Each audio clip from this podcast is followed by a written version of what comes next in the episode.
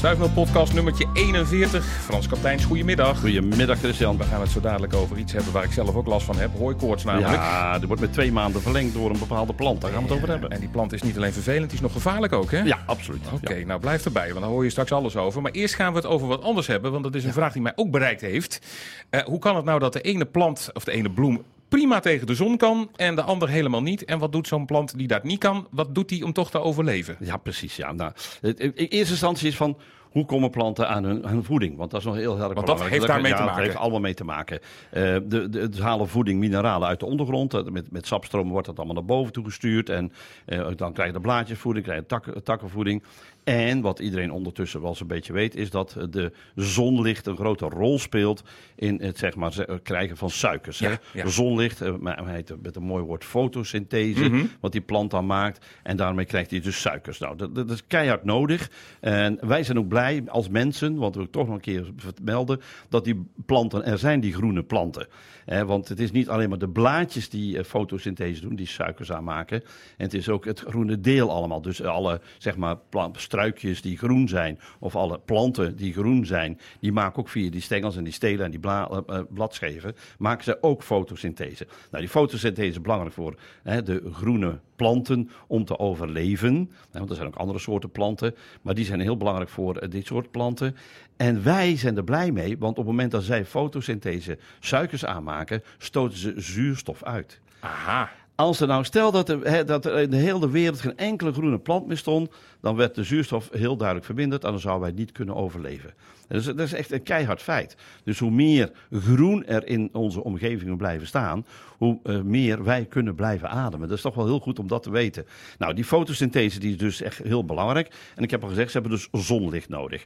Nou, er zijn dus ook planten bij, die hebben geen zonlicht nodig. Hè, want dat, dat is, of minder zonlicht. En waar kun je dat aan zien? Dat is heel makkelijk te zien eigenlijk in feite. Want die planten die zonlicht nodig hebben, ja. en, en, en dus echt die fotosynthese daardoor kunnen gaan maken, dat zijn planten vaak met hele kleine blaadjes. Hè? Dus een, een eikenboom, een, een beuk, een berk. Het zijn allemaal kleine blaadjes. En de planten die eh, zeg maar in de schaduw staan en die in de schaduw kunnen groeien, die hebben hele grote bladeren. En die kunnen dan dus, staan ze niet in de weg van de planten die zonne-energie veel nodig hebben. Dat zeggen de zonneaanbidders. En uh, ze staan daar niet voor in de weg. Maar ze kunnen toch met dat kleine beetje licht wat er valt, door bijvoorbeeld een bladerdek heen, of uh, zeg maar, uh, een, een, een, een, zeg maar gewoon het licht van de zon. Gewoon daglicht morgen, eigenlijk ja, al. precies, Ja. van zon, s morgens tot s avonds, kunnen zij ook al fotosynthese maken, vandaar die grote bladeren. Dan zou je kunnen bedenken, ja, als dan de boom of de plant die in de zon staat, nog grotere bladeren aan gaat maken, dan kan hij nog meer zonlicht aanvangen. Nee, dat is fout. Want wat gebeurt er dan? Ja. Uh, nu niet zozeer tijdens een mooi, het mooie seizoen, maar in de volle zon, hè, dus 35 graden bijvoorbeeld, dan gaat die extra verdampen. Dat betekent dat ze heel gauw helemaal zonder water zitten. En dan, en dan drogen ze uit, of dan gaan Juist. ze, wij noemen dat ook eigenlijk wel verbranden, Mhm. mm -hmm. want ze zorgen dan voor dat dus het, de sapstromen niet meer kunnen lopen. En dat maakt het dus heel erg lastig voor, de, voor die planten. Dus daarom hebben die kleinere blaadjes. En hoe, uh, zeg maar, uh, fijner en uh, kleiner de blaadjes zijn, dan kun je dus zien dat die dan ver in tropische landen zitten dan. En als je in zo'n regenwoud bent, dan is dat heel iets anders. Daar zitten onderin ook gewoon planten. Die groeien in schaduw en die hebben dus hele grote bladeren. Bijvoorbeeld een, een bananenpalm. Die heeft al hele grote bladeren. Maar dat kan omdat hij in de schaduw staat. En dat betekent dus zeg maar in de felle zon zullen nooit veel planten kunnen overleven overleven die uh, zeg maar grote bladen hebben, want daar verdampen ze veel te veel. Ja. En daarom zie je de hete woestijnen, uh, zeg maar planten als cactussen. Die hebben hele fijne kleine blaadjes. Uh, Ja. dat is echt, en die slaan heel veel vetreserve op om tegen die, tegen die strenge, zeg maar, of harde zon te kunnen. Dus hoe groter de blaadjes eigenlijk, hoe, Hoe meer schaduw, Hoe meer schaduw, ja. ja. Ja, hoe meer schaduwplant je bent, dan heb je al voldoende om uh, zeg maar, dat licht, uh, daglicht wat binnenkomt, om dat uh, zeg maar, te gebruiken. Nou, dan komt er ook duidelijk in dat naar de herfst toe, dan, dan, ja, dan, dan wordt er steeds minder zonlicht komt er dan. En zullen die schaduwplanten heel snel ook hun blaadjes afstoten. En daarna de andere planten, dus van plant tot boom tot struik. Omdat als zij die blaadjes in de, in de winter aanhouden, dan hebben ze te kort daglichtlengte, waardoor dat ze heel veel gaan verdampen en daardoor zeg maar uit, uiteindelijk uitdrogen of in ieder geval verbranden. En dat is iets wat ze er niet willen. En daarom stoten in de, in de, in de, in de herfst alle bomen, struiken en, en, en, en planten die zeg maar eh, eh, niet eh, in de winter willen blijven overleven, of die wel willen blijven overleven, Ja. stoten hun blaadjes af en trekken van tevoren en dat, dat heet dan de levenskorrel terug in, dus degene eigenlijk die die fotosynthese doet, die trekken ze terug in hun stammen. Eh, we noemen het ook wel de chlorofielkorrels, zodat eh, er andere kleuren overblijven. En je ziet dan de herfst, hè, de, in, de mooie Indian summer, Ja. dan krijg je dus van die prachtige kleurrijke blaadjes. Maar dat betekent dat ze dus alle, eh, eh, ja, zeg maar, blaadjes die, of alle stoffen die belangrijk zijn voor fotosynthese te maken, die hebben ze dan Ja. teruggetrokken in de rest van hun lichaam. Ah, op die manier. Ja, en dan is precies. het ook in de herfst zie je dus ook eerst altijd die grote bladen liggen dan ook, Die, hè? die, die gaan het eerste eraf. Ja. Die gaan het eerste En af. dat is ook dus daarom. logisch. Ja, dat is daarom. Die gaan Kijk het eerste eraf. En later komen dan die kleinere. En dan zie je dat sommige eh, hebben dan ook weer, of daar zit ook af en toe wel verschil in. Kijk, de eikenboom, die heeft wat taaiere bladeren. Ja. En de berk heeft wat lichtere bladeren. Dus de berk verliest ze eerder dan zeg maar de eik. Terwijl die in de groep van kleine blaadjes thuis horen. Juist, maar ja. dat komt door die, die taaiheid. Kan, die kunnen er wat langer tegen. En dan zijn er ook bij, die houden het af en toe in de winter wel. Want die beschermen eigenlijk hun stamdelen. En dat is bijvoorbeeld de beuk. Beuk, hè, vooral als je jong is, zul je vaak beuken zien die die blaadjes behouden. Maar dan wil, zijn alle chlorofielkorrels wel teruggetrokken, die levenskorrels. En dan zie je dus zeg maar gele blaadjes van de beuk of een beetje roodachtige blaadjes. En die, zitten dan aan, die blijven dan aan die, boom, aan die boompjes zitten. Want een beuk, ja, dat is een lastige boom. Als die bijvoorbeeld in een laan staat... En ehm, eh, hij heeft een tak naar beneden hangen waar hij dus de eh, zon, zon tegenhoudt op zijn stam. Ja, dan, eh, en die tak gaat weg, dan gaat hij daar verbranden. Als je daar niks mee doet. En daarom zie je vaak bij beuken die in nieuwbouw staan. of in straten of lanen. die in feite eh, zeg maar plotseling veranderd moeten worden. Dat een, iets moet weggehaald worden. waardoor dat, eh, de schaduw die voorheen op de beukenstam hing verdwijnt. Ja, dan zie je ze inpakken in jute zakken of in hout. Dat zie je ook wel eens een keer dat ze rondom de beuk Ja. allemaal hout spannen. Ehm, en of dat ze wat in China veel doen, is de stam wit schilderen. Dan ketst het zonlicht natuurlijk Ah. terug. Dus ja, de, de, die, die zuurstof, die heeft er alles mee te maken. En dan ook te maken met van wat doen planten die grote bladeren hebben. Dat zijn de schaduwplanten. En die kleine bladeren hebben, die staan dan vaak gewoon lekker in het zonnetje. Nou, als je ook een keer een vraag hebt die je graag beantwoord wil eh, eh, horen of zien in de podcast, dan kan ook via stuifmail.omroepbrabant.nl kun je alle vragen altijd stellen voor de radio, maar ook voor eh, in de podcast. Dan hebben we het vorige week vrij uitgebreid gehad over de Japanse duizendknoop, die alles overwoekert en dus ook bestreden wordt en moet worden. Eh, weer een invasieve soort gaan we het nu over hebben, Ja. eh, die ook heel veel schade berokkent in feite. Precies, ja, inderdaad. En ja, zelfs eh, allerlei eh, zeg maar gezondheidsorganisaties, maar ook zeg maar Nature Today en noem maar op, hè, dus natuur eh, zeg maar organisaties roepen juist op, zorg ervoor dat die Alsem ambrosia, zo heet die. Alsem ambrosia. Alsem ambrosia, dat die weggaat. Haal hem uit je tuinen, haal hem weg, haal hem weg, haal hem weg. Allemaal kreten die je dan op dit moment hoort. Want ja, dit is een plant die de hooikoortspatiënten heel veel ergernis geven. Ja. En ook nog eens een keer verlengen de hooikoortsperiode met twee maanden. Want die begint nu pas een beetje te, te, te bloeien. ja. En het is een, een plant, ja, hij valt bijna niet op, want hij is helemaal groen. Ja. Dus je, moet heel goed opletten. Eh, de blaadjes vallen wel heel goed op, want dat zijn heel erg geveerde blaadjes. Ik heb er hierbij, misschien moeten we die straks nog eens op de podcast erbij zetten. Ja, nou, maar dat, dat kun je wel ik zet zien. wel een linkje naar de foto. Ja, precies. Nou, ik heb ook een linkje naar het artikel toe van Nature Today. Oh, waar dat is heel goed. alle gegevens op staan van eh, zeg maar deze Alsem ambrosia. Wat je moet doen, eh, wa- waar je moet letten. En vooral mensen in, met tuinen. En waarom dan? Ja. Omdat ze hebben in 2022 hebben ze een telling gedaan van hoeveel procent meldingen kwamen van Alsem ambrosia in, de, in Nederland. Ja. En dan bleek 60% in de tuinen te staan. Oh. En dan denken mensen, hoe kan dat dan toch? Ja, heel simpel. Mensen, let op wat je voert. Want in vogelvoer, dus de kippen die je voert, eh, de, de beestjes die je voert eh, in, in de zomerperiode of in de lente of zelfs in de winter. Ook in het vogelhuisje. Aan het vogelhuisje, daar zit ook, zit ook in. Er zitten heel veel zaden van die Alsem ambrosia in Ah. het vogelvoer. Dus ik zou zeggen, koop in ieder geval alvast niet eh, vogelvoer waar die ambrosia in zit. Want als het goed is staat dat netjes op de verpakking. Ja. Eh, als, als, als er niks op de verpakking staat, zou ik sowieso niet kopen.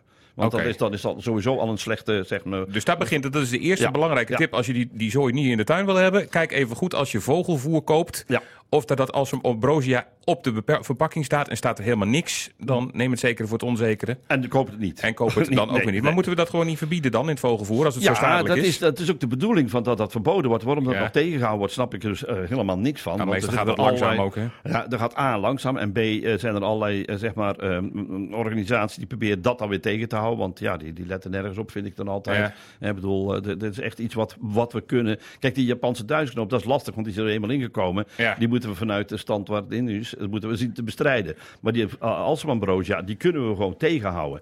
Ehm, maar het is natuurlijk wel zo dat er heel veel zaad nog in Nederland in de grond ligt. Ja. En deze Alzheimer heeft één klein nadeeltje. En dat is als ze zeg maar eh, een overlevingsstrategie hebben zij... door wat reservevoedsel in hun zaad te maken. Dus ze kunnen altijd nog eens een keer uitkomen. Ah. En zeker en te meer als er grondbewerking is geweest. Stel dat er zeg maar erg dieper in de grond zit. Ja, dan komt hij niet uit. Maar dan blijft dat zaadje gewoon intact. En wordt dan de grond een keer omgekeerd. Ja, dan, dan ligt hij aan de bovenkant en dan komt hij Dus dat is echt heel lastig. Nou, waar is het nog gevaarlijk voor? Want dat zou ik ook nog even vertellen. Ja, ja. Als je hem plukt, let goed op, want doe dat niet met je blote handen. Want dat ding heeft ook nog een vervelende uitslag, geeft dat bij sommige mensen die een gevoelige huid hebben. Ja. En dan is dat natuurlijk heel vervelend, want dan ben je aan en hooikoortspatiënt en je hebt een gevoelige huid. Nou, dan is dat toch een beetje gevaarlijk voor je eigen, zeg maar, gezondheid. Ja, dat wil je niet Dus dat hebben. wil je niet hebben. Dus zorg ervoor dat als je als een broodje in de tuin hebt staan, en eh, haal handschoenen erbij, doe die meteen aan. En als je het niet zeker weet, eh, kijk dan straks op de- link die we gaan melden, Ja. wat je allemaal wel kunt doen en wie je wel kunt bellen. Mhm. En nogmaals, de buurman, de buurvrouw kun je ook een keer gerust vragen natuurlijk. En wat je dan niet moet doen, is bij het GFT gooien. Want als je dat dan weer doet, dan komt Ja. het ook weer terug in, de, in, de, in, de, zeg maar in eh, ja, de, het circuit. En dan kunnen we van voren af aan opnieuw beginnen. Oké. Dus, eh, er Maar wat staat- doe je er dan wel mee? nou ja, verbranden is een, een, een, iets wat je kunt doen. Ja. Eh, je kunt ook zeg maar eh, naar een van die organisaties bellen en in een zak die als een broodje inleveren. En dan kunnen zij het weer verder verzorgen. Ja. Dus dan kan je dus zeg maar eh, in ieder geval... Kijk, er zijn allerlei organisaties die willen dat zo snel mogelijk weg hebben. Ja. En het is nog niet zoals de taxis-taxi. Hè, want er is ook Nee. Taxi die rondrijdt om taxis, jonge verse taxisblaadjes binnen te halen. En dat is om hè, zeg maar de mensen met te helpen tegen de kanker. Hè. Er worden dus Ja, ja, ja, speciale zeker, medicijnen voor gemaakt. Dat is er nog niet, maar als het zo doorgaat met die Alzheimer-brosia... en die wordt steeds meer gevonden in tuinen... dan zullen ze wel iets verzinnen om een, een ronde te maken om het op te halen. Ja, dus nogmaals, er komt een linkje bij de omschrijving van deze podcast. En dan kun je dus ook een fotootje zien. Dan weet je ook in ieder geval hoe die eruit ziet. Maar toch eventjes, hoe herken je hem? Omschrijf hem nog even, want hij is dus groen. Ja, hij is, dus groen, hij is heel, heel groen. En ook eh, zeg maar de, de, de zaaddozen die bovenin zitten, die zitten helemaal bovenin, die, die zijn ook groenig. Ja. Ehm, en is heel erg geveerd is, je heet dat dan. Ik bedoel, hij is heel erg ingesneden. Dus als je een blad voor je ziet, dan zie je allemaal insnijdingen. En dan krijg je een soort, ja, aan de zijkanten wat, eh, zeg maar, veertjes zitten. En dat zit over heel het blad tot eh, bijna onderaan toe. En eh, ja, hij wordt niet zo, ja, niet zo heel groot. Hij wordt op bijna 1 meter.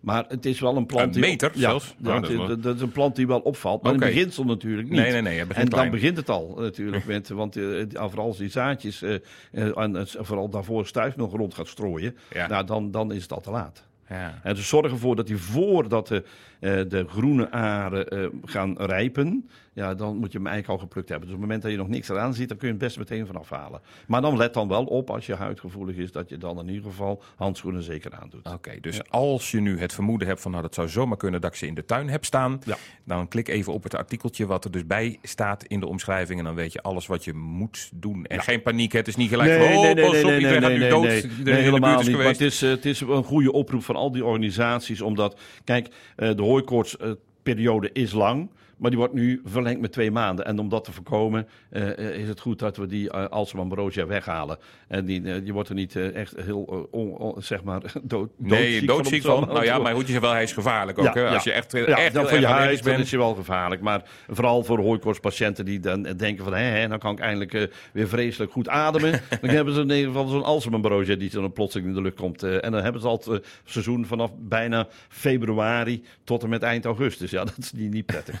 Om Zet- dat- is een vraag die nu weer me op. Vorige keer hebben we het dus over een invasieve soort gehoord. Het klinkt al agressief, hè? invasief. Want Ja, precies, Bij ja. invasie denken we al gelijk aan, eh, aan, aan 80 invasie. jaar geleden. Ja, precies, en, eh, ja. Maar eh, zijn er ook eh, vo- voordelen of leuke invasieve planten eigenlijk? Of denk je van, ik eh, ben eigenlijk sowieso er niet Nee, blij mee? invasieve eh, eh, soorten, die worden zo ook genoemd. Dat zijn de soorten die zijn altijd lastig. Of eh, voor de mens hun gezondheid.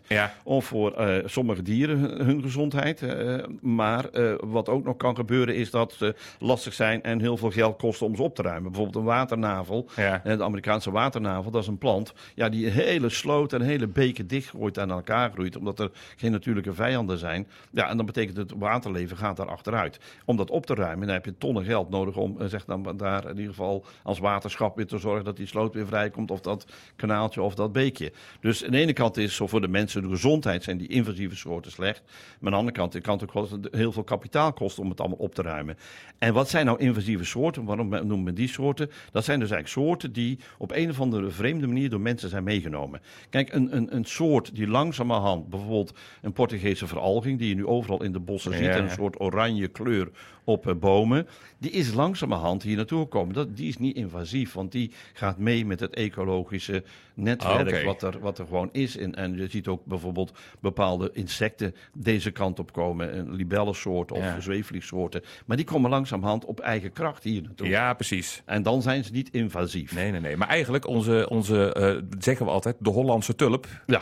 Die eigenlijk volgens mij uit het Midden-Oosten komt... dat Ja, is eigenlijk ook een invasieve soort, hè? Nou Dan ja, op die in- manier. Ja, in, nou in die zin dat hij dus inderdaad weg is gehaald eh, uit daar de, de grond en hier is neergezet en dan verkoopt. Ja, dat eigenlijk is invasief. Ja. Alleen deze is dus eh, nu erkend als zijnde een, een, een plant die eh, niet zichzelf verder verspreidt in Nederland op, op, op een andere manier dan dat de tuinders dat doen.